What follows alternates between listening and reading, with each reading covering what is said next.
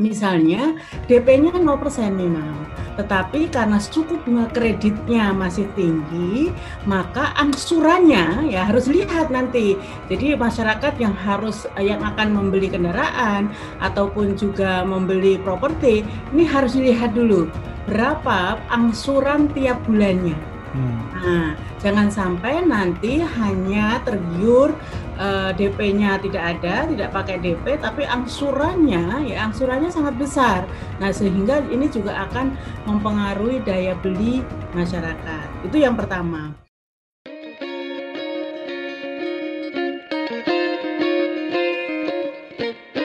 Halo Tagarians, kembali dengan berjumpa dengan saya Yosi Girsang dari Tagar ID dan Tagar TV.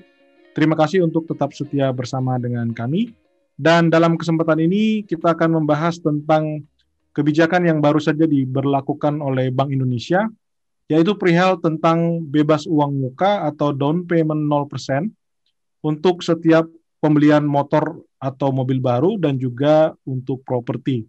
Seperti yang kita ketahui bahwa diumumkan kebijakan ini akan berlaku mulai bulan depan, tanggal 1 Maret tahun 2021 hingga akhir 31 Desember 2021.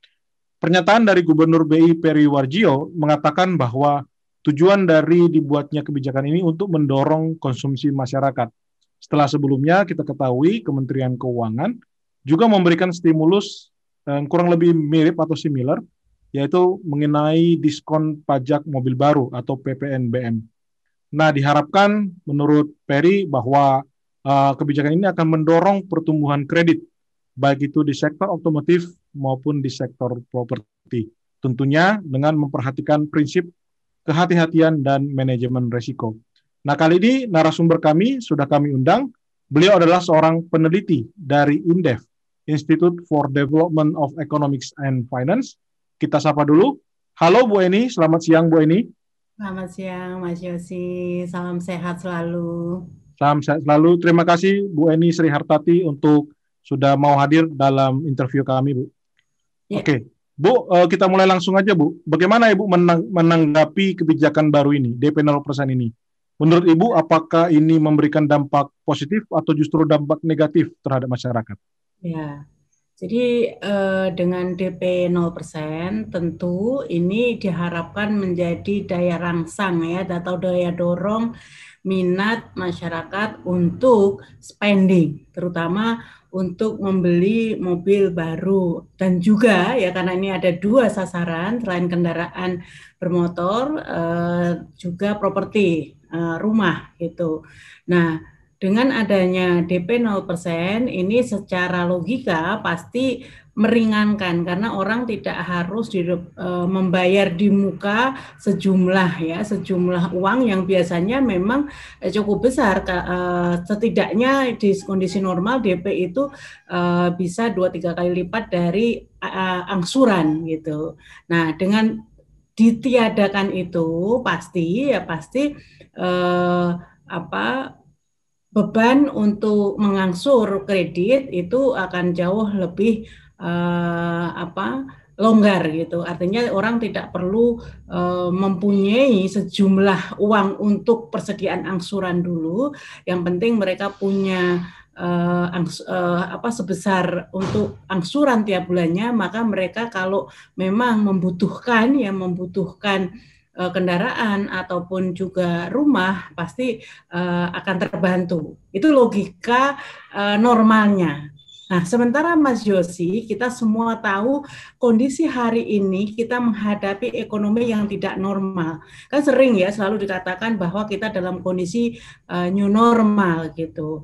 Nah, apa yang ingin saya katakan tentu ya tentu ini akan ada dua hal ya. Ada persoalan DP, tentu juga ada persoalan kalau masalah pembiayaan dengan kredit tentu kita juga harus melihat besaran suku bunga Nah, suku bunga ini ya secara umum suku bunga perbankan secara umum ini mengalami kekakuan untuk turun. Jadi kalau kita lihat suku bunga acuan Bank Indonesia ini kan sudah turun berkali-kali dari yang dulu awal itu 2018, 2019 ini masih bertengger di 5, pernah sampai 5,75 basis poin suku bunga acuan. Sekarang tinggal tiga setengah. Tapi kita lihat apakah uh, suku bunga kredit itu sudah menurun secara signifikan? Ternyata tidak.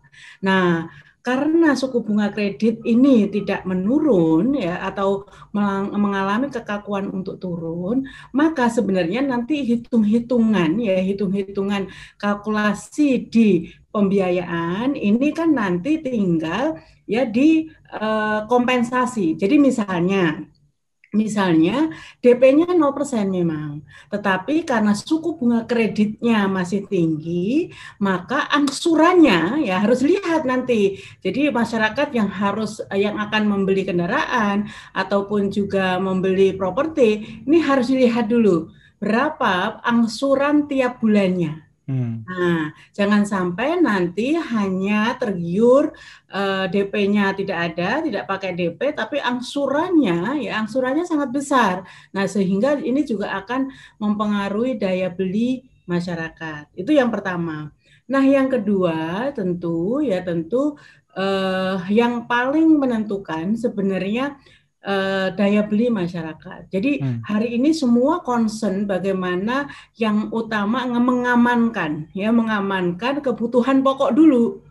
Jadi kalau uh, punya tabungan ataupun uh, punya aset gitu, ini masih berpikir bahwa untuk pengeluaran-pengeluaran yang sekunder tidak sampai mobil saja, katakanlah hanya hmm. sekedar ganti uh, smartphone gitu. Sekarang berpikir, semua orang berpikir tidak tidak peduli sekarang itu di strata mana karena hmm. masih orang masih berpikir tentang safety, tentang kebutuhan keamanan untuk memenuhi kebutuhan. Pertama dengan pertimbangan tentu kita nggak tahu sampai kapan kondisi ya pandemi ini akan berlangsung.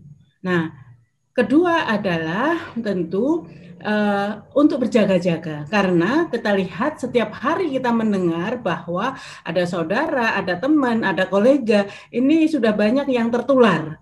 Hmm. Nah, sehingga orang pasti kebutuhan untuk berjaga-jaganya atau anggaran untuk uh, berjaga-jaga itu pasti juga akan meningkat porsinya. Nah, hmm. sehingga kembali lagi uh, di sisi satu sisi tadi daya beli masyarakat itu yang utama kan berasal dari uh, pendapatan. Dengan adanya berbagai macam penurunan aktivitas ekonomi, penurunan bisnis dan sebagainya, dengan sendirinya pendapatan masyarakat turun. Nah, hmm. sementara alokasi pendapatan yang harus dialokasikan baik untuk kebutuhan pokok maupun kebutuhan pokok yang urgent lainnya terutama yang terkait dengan kesehatan tadi meningkat. Ya. Nah, itu yang mempengaruhi tentu demand ya permintaan untuk barang-barang yang dinilai oleh masyarakat tidak urgent pasti ya pasti akan uh, ditunda. Okay. Nah, ketiga sekarang kalau kita berbicara kendaraan kendaraan ini kan uh, dengan sekarang kan sudah hampir setahun ya, sudah hampir setahun uh, orang harus work from home dan eh, kantor-kantor juga hanya dengan kapasitas bahkan ada yang sampai hanya 25% atau 50% atau 75% gitu kan. Dan justru banyak masyarakat yang ber, bahkan berpikir gitu kan, ini kendaraan mending dijual karena overhead cost-nya kan naik. Jadi hmm. kalau misalnya nggak nggak terpakai secara optimal utilitasnya gitu kan, sementara pajak kendaraan juga uh, masih harus membayar gitu, maka banyak yang kita lihat sekarang penjualan untuk mobil-mobil bekas juga meningkat, ya, gitu ya. kan. Nah ini ini yang juga ya yang juga harus diperhatikan. Nah bahwa PPNBM ya PPNBM ini turunkan eh, bahkan sampai 0% ini berpengaruh signifikan memang ya eh, terhadap eh, harga mobil. Nah, tetapi sekali lagi eh, tiga tiga persoalan tadi ya dari sisi uh, pendapatan masyarakat yang terkait dengan daya beli, preferensi masyarakat gitu kan dan juga kebutuhan yang urgent menghadapi kondisi pandemi terutama untuk mem, uh, mengamankan dari sisi kebutuhan pokok dan uh, aspek kesehatan ini juga harus dikalkulasi betul apakah ya apakah minat masyarakat ini cukup elastis dengan adanya uh, penurunan harga dari sisi DP maupun di, dari sisi PPN BM karena uh, setiap kebijakan itu sebenarnya secara ekonomi ada rule of thumb-nya. Hmm. Apakah apakah barang itu termasuk barang yang inelastis atau elastis permintaannya? Hmm. Jadi ada barang-barang ya ada barang-barang yang sangat uh, elastis terhadap perubahan harga. Tapi ada barang-barang yang juga sangat inelastis. Kayak kebutuhan pokok itu kan sangat inelastis. Mau ya. naik berapapun harganya, tapi orangnya tetap harus makan. Nah, Betul. itu elastis. Tapi memang ada beberapa barang seperti kendaraan bermotor, uh, termasuk properti itu memang cukup elastis terhadap perubahan harga. Tetapi ingat Mas Yosi, hukum itu berlaku ketika dalam kondisi ekonomi normal. Hmm. Gitu. Jadi kalau nggak kalau kondisi seperti pandemi ini juga harus ya asumsi itu juga harus direjustifikasi. Misalnya tadi, misalnya orang buat apa beli mobil baru gitu, toh juga nggak bisa ke mana-mana misalnya. Nah, sekarang khusus untuk properti. Properti di Indonesia, data Bank Indonesia sendiri menunjukkan bahwa ya bahwa lebih dari 50% permintaan properti di Indonesia itu lebih untuk tujuan investasi. Jadi orang-orang yang beli rumah benar-benar karena ya karena mereka belum memiliki rumah itu proporsinya ya dengan yang sudah memiliki rumah itu ternyata lebih banyak yang sebenarnya sudah memiliki rumah tapi untuk tujuan investasi. Nah, jadi kalau di, dilihat hanya sekedar data parsial bahwa ada backlog. Backlog itu adalah orang yang sebenarnya pengen punya rumah tapi belum punya rumah, kepemilikan rumah. Backlognya itu memang luar biasa besar di Indonesia, terutama di kota-kota besar gitu. Nah, tetapi ya tetapi kemampuan ya kemampuan untuk mengakses rumah itu uh, uh, rendah. Terutama memang dalam kondisi sekali lagi dalam kondisi nomor saya sangat setuju itu disebabkan karena adanya DP karena persyaratan harus DP karena apa? Karena kalau kita bandingkan misalnya kalau tidak ada DP misalnya mereka mengangsur sebulan itu sekitar satu juta uh, mungkin masih mampu karena apa? Karena mereka membayar sewa rumah di Jakarta kan di kota-kota besar juga ya tidak hanya di Jakarta rata-rata misalnya satu juta. Nah artinya kalau tidak har hanya tidak harus dengan DP maka ya maka mereka mungkin masih mampu untuk uh, membeli uh, rumah baru gitu. Nah tetapi ketika pandemi kita lihat Mas Yosi coba survei aja di dekat-dekat kita hampir seluruh kontrakan itu kosong. Hmm. Ya banyak yang sekali yang kosong. Ya, Karena apa? Karena mereka kehilangan pekerjaan dan mereka harus banyak yang terpaksa ya terpaksa reurbanisasi kembali ya. pulang ke kampung dan sebagainya.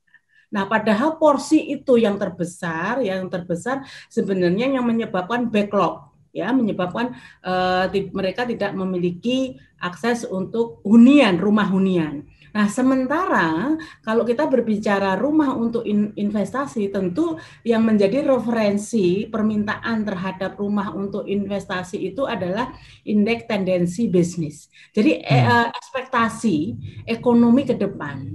Nah, hmm. kalau ekonomi ini masih yang terkontraksi dan juga eh, belum belum jelas betul bagaimana prospek ekonomi ke depan, orang juga ragu-ragu untuk uh, investasi yang masih bersifat katakanlah tidak pasti.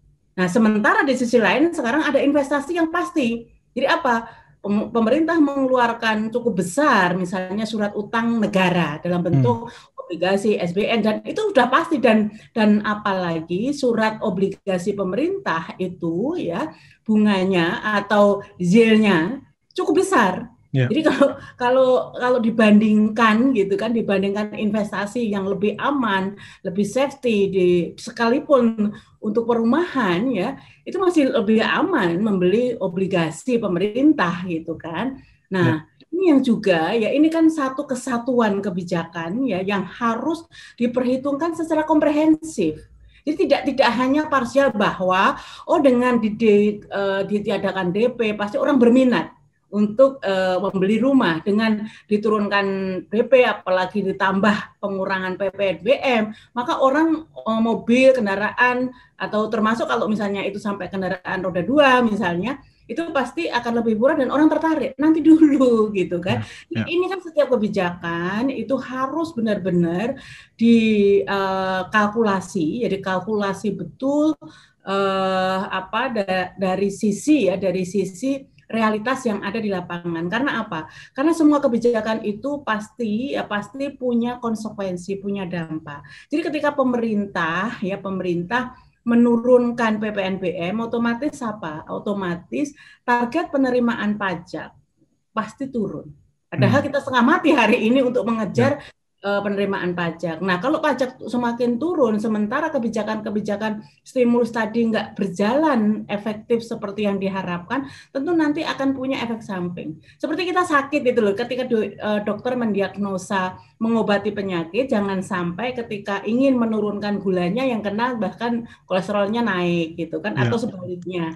Nah, ini yang harus betul-betul uh, diperhatikan dalam membuat kebijakan-kebijakan ekonomi, termasuk di sisi moneter tadi, dengan misalnya relaksasi DP 0%. Kalau ini uh, dimanfaatkan uh, apa oleh apa namanya uh, in, uh, para pelaku ya yang yang katakanlah justru memicu moral hazard gitu bahwa ada peraturan BI bahwa yang NPL-nya di atas 5 nggak boleh menyalurkan dan sebagainya. Nah, kalau ini ya kalau pengawasan selama ini kita tahu persis banyak sekali kasus-kasus di perbankan di sektor-sektor keuangan bahwa pengawasan OJK masih cukup lemah eh, banyak sekali fraud ya tidak hanya di asuransi di perbankan juga banyak gitu kan.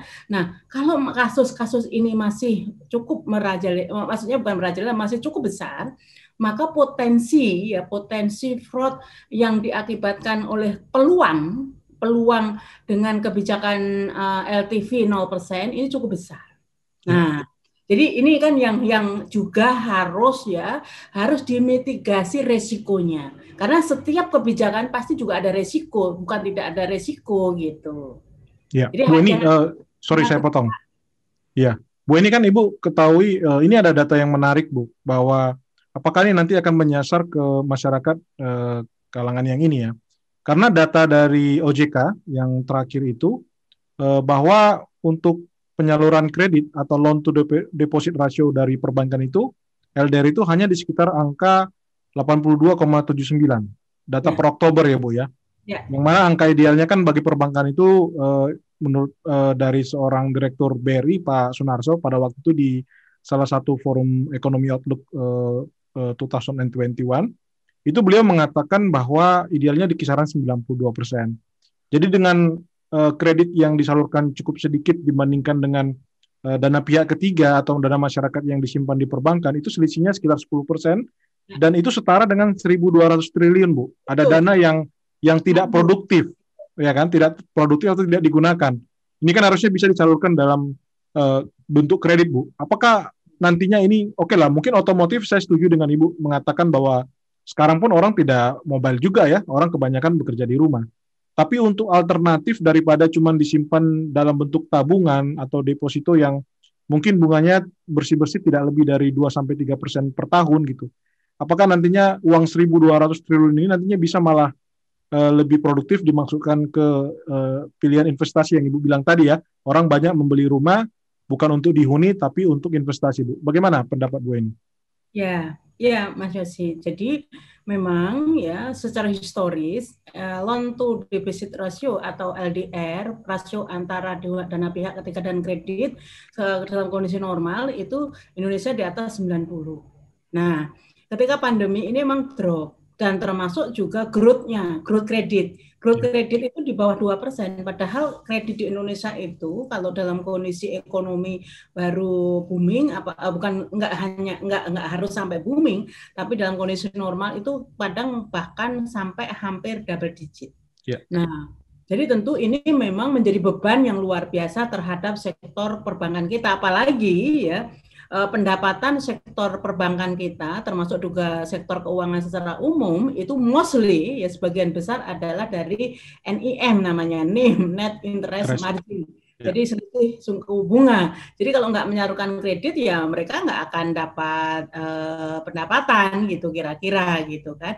Nah ya. ini memang akan menjadi uh, persoalan tersendiri atau menjadi beban sektor uh, perbankan. Nah, tetapi yang sebelum nanti uh, apa yang hak, uh, efektif dilakukan, sudah tahu ya sudah tahu perbankan kita ini uh, LDR-nya rendah dan dana yang mengendap di Bank Indonesia juga lebih dari seribu triliun kok ya Kementerian Keuangan sempat-sempatnya menempatkan dana di Bank Himbara yang kemarin jumlahnya sekitar 30-an triliun gitu kan. Hmm, hmm. Mohon maaf. Jadi sudah over likuiditas ya dan perbankan tidak ada persoalan likuiditas malah ditambah lagi likuiditasnya. Padahal mestinya karena ini dana APBN kan itu justru mestinya kan langsung di dibelanjakan sektor-sektor yang benar-benar mampu memberikan stimulus fiskal gitu kan. Hmm. Tapi kan kemarin pemerintah e, menggunakan gitu kan menggunakan sektor perbankan agar itu disalurkan. Ya tetap saja pertumbuhan kreditnya ya tetap di bawah dua persen karena memang kondisi di tengah pandemi tidak memungkinkan ya penambahan atau ekspansi e, kredit gitu. Ya. Dan semua usaha masih lemah. Nah, Kedua sekarang saya setuju bahwa memang harus ada kreativitas dan terobosan-terobosan untuk meningkatkan kredit eh, atau pembiayaan. Nah, ini yang memang membutuhkan yang namanya koordinasi dan kebijakan yang betul-betul terintegrasi. Jadi hmm. kalau kita berbicara eh, pembiayaan sampai hari ini banyak UMKM yang menjerit loh. Jadi hmm. bahwa bahwa bahwa ya bahwa banyak sekali skema-skema pembiayaan untuk UMKM termasuk juga subsidi bunga kur dan sebagainya tapi the real ya realnya banyak yang tidak mampu mengakses pembiayaan perbankan Nah, ya, ya. tentu ya tentu ini kan harus diselesaikan tidak hanya dari satu sisi, hanya menekan, ayo dong bank salurkan kredit, salurkan kredit kan nggak bisa begitu, karena bank punya yang namanya rule of thumb, seluruh kreditnya itu harus memenuhi persyaratan prudential banking, harus hmm. ada kehati-hatian, harus ada kelayakan dan sebagainya. Nah, sementara problem sektor real kita hari ini mereka kesulitan untuk mendapatkan akses pasar.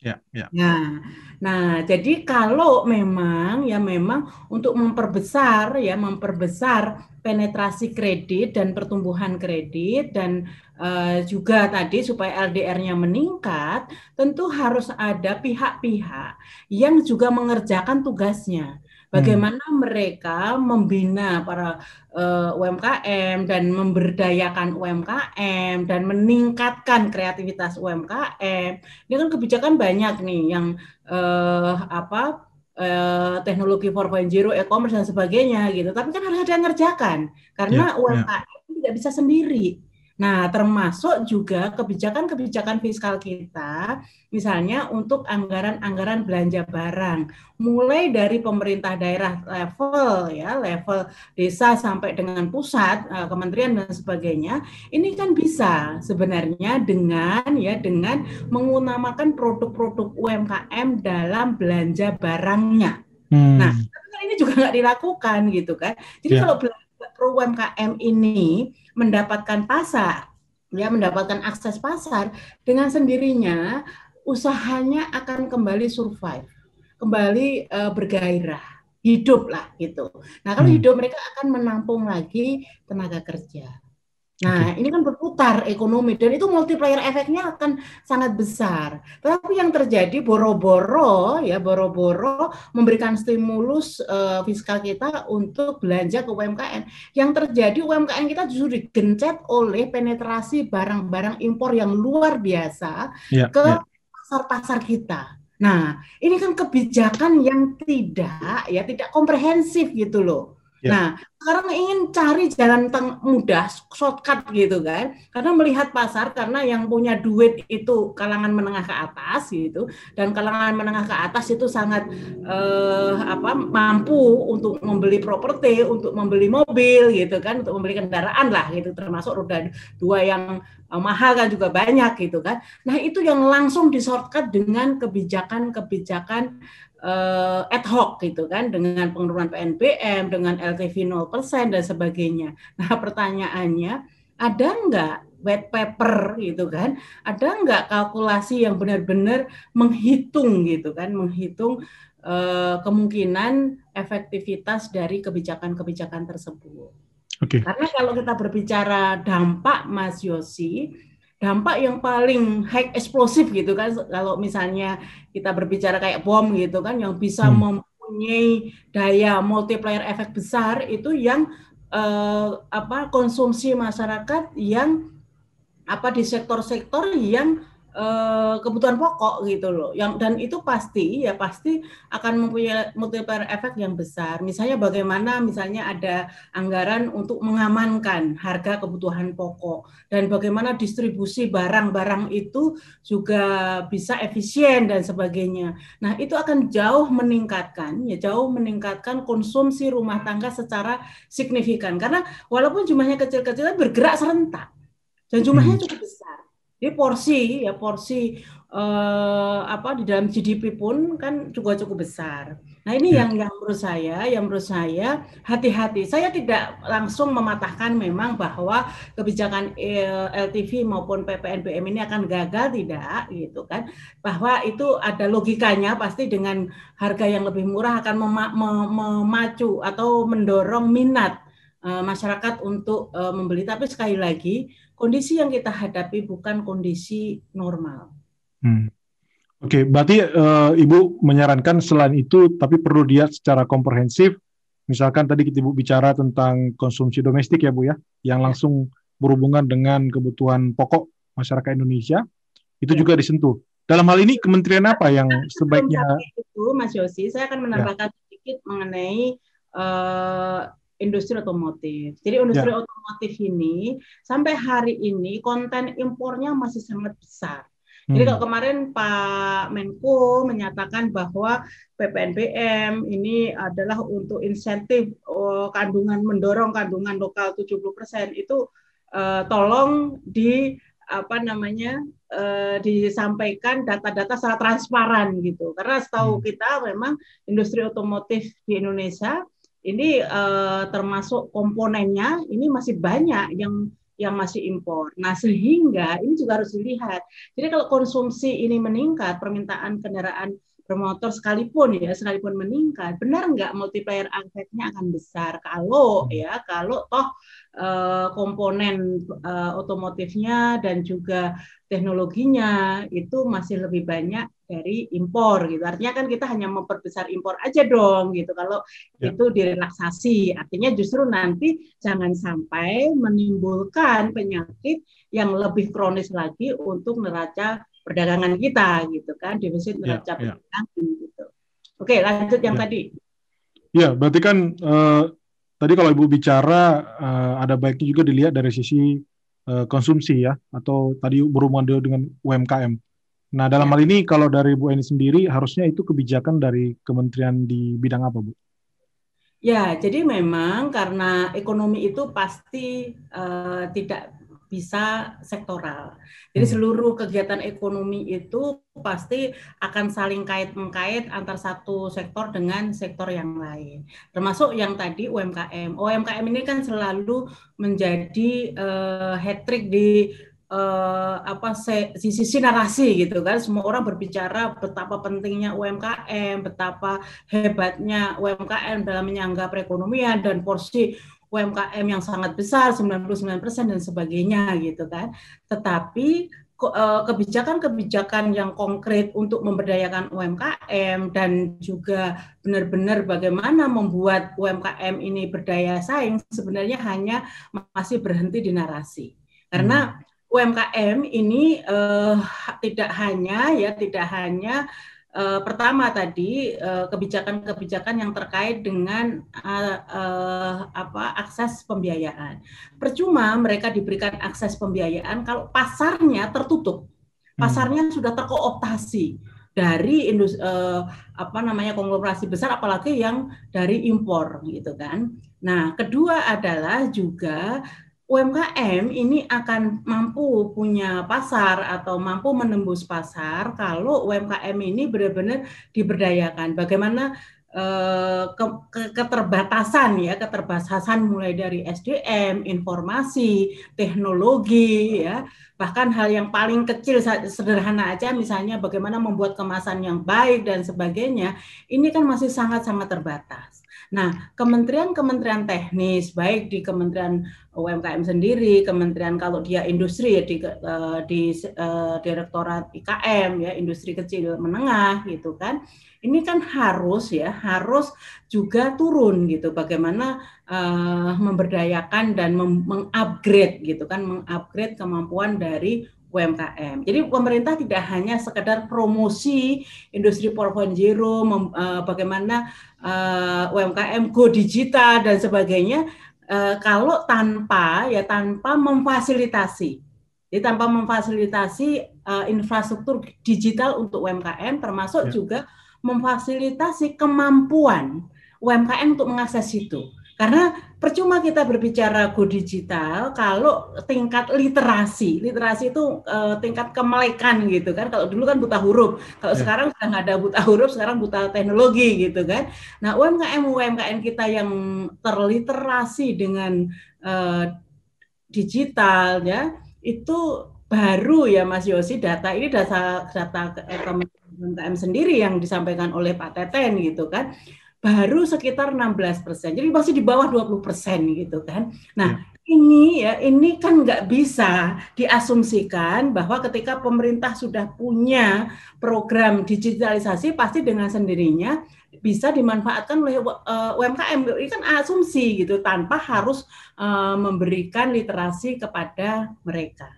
Ya, bahkan kita dengar terakhir itu kan ada sedikit uh, apa ramai dibicarakan di media sosial Bu soal ya. adanya salah satu e-commerce yang memberikan kalau nggak salah ongkos kirim gratis atau nol gitu kalau uh, impor barang-barang dari Cina ya kalau nggak salah ya itu Ya, karena itu. kalau ini kan nggak melalui anu ya impor, sehingga tidak mengikuti hukum kepabeanan uh, hmm. dengan biaya masuk dan sebagainya.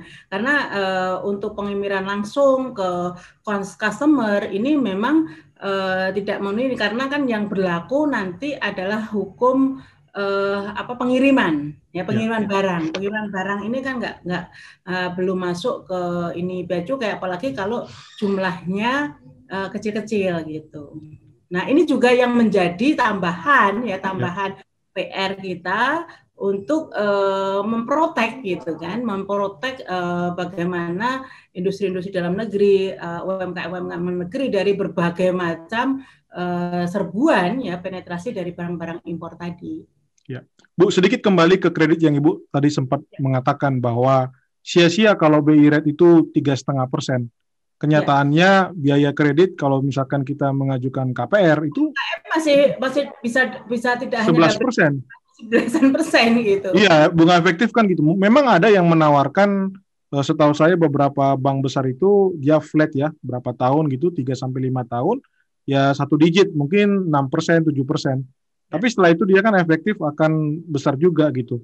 Nah, kalau yang tadi Ibu bilang, sebenarnya itu fungsi siapa Bu yang bisa memastikan supaya uh, gap antara BI rate itu dengan bunga uh, kredit yang diberikan bank itu bisa sejalan gitu Bu. Memang kita paham korporasi tentunya pengen net interest margin tadi kan besar ya Bu ya gapnya ya. Tapi kan ya. somehow di satu sisi juga kan tadi uh, buat apa ada kebijakan ini kalau ternyata pelaksanaannya atau realita di lapangan itu tidak berjalan. Menurut Ibu itu harusnya peran dari mana Bu? Ya, Mas Yosi, suku bunga ya suku bunga itu tentu yang mengikuti hukum pasar, permintaan demand dan supply gitu kan. Nah, memang di Indonesia ada yang namanya lembaga LPS, lembaga penjamin simpanan. Itu memang e, menjam e, simpanan yang diperbolehkan suku bunganya maksimal sekian. Tapi kan itu suku bunga simpanan. Kita nggak pernah dengar kan berapa maksimal kredit yang bunga kredit yang diperbolehkan. Nah, Eh, kecuali mungkin ada komitmen dari bank-bank himbara karena mendapatkan himbauan dari pemerintah, misalnya bank himbara tidak boleh menyalurkan kredit dengan suku bunga maksimal sekian. Nah, itu pun juga kita nggak nggak nggak jamin itu akan efektif di di lapangan. Tapi yang pasti begini, namanya orang jualan itu seperti orang kita beli uh, pedagang ya. Kulakannya berapa maka akan dibeli akan dijual berapa. Hmm. Nah, memang kalau kita lihat suku bunga uh, simpanan masyarakat secara umum ini sudah turun. Jadi kalau kita nabung itu uh, suku bunga yang kita terima kecil ya. Bahkan mungkin sudah di bawah lima persen. Saya nggak punya tabungan jadi nggak ngerti gitu kan. Eh, tetapi ya tetapi itu kan yang pemilik dana-dana kecil. Ya. nah itu akan mengikuti mengikuti uh, sejalan dengan suku bunga acuan oleh Bank Indonesia. Tetapi pemilik dana terbesar di sektor perbankan kita itu kan mayoritas didominasi oleh pemilik dana-dana besar Ya. Nah, dana besar itu ya dana besar itu nggak mengikuti hukum yang terpampang di masing-masing bank itu bahwa suku bunga sekarang sekian persen itu nggak ada yang namanya special rate untuk suku bunga mereka. Nah, sementara sekarang itu alternatif eh, pertama pertama dulu pertama yang memiliki dana besar itu jumlahnya sangat terbatas Ya. lu lagi lu lagi gitu kan hanya orang-orang yang 20% mungkin nggak ada 10% pendapatan teratas yang mempunyai dana cukup besar. Nah, sementara alternatif mereka penempatan dana dengan eh, pemerintah terus-menerus meningkatkan tadi ya mengeluarkan surat utang bahkan eh, dengan sebenarnya kemarin dengan memaksa BI berdasarkan harus membeli di di pasar primer itu otomatis sebenarnya sudah nggak banyak yang berminat membeli surat obligasi pemerintah. Nah terpaksa kan surat obligasi pemerintah itu rate-nya kan dinaikkan cukup tinggi.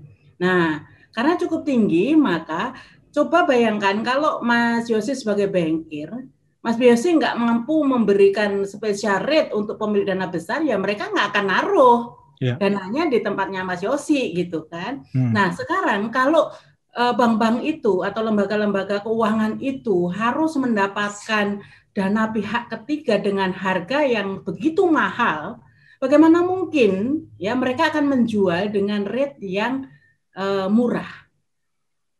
Nah, jadi ini ini juga persoalan itu yang di dalam teori ekonomi disebut yang namanya crowding out effect.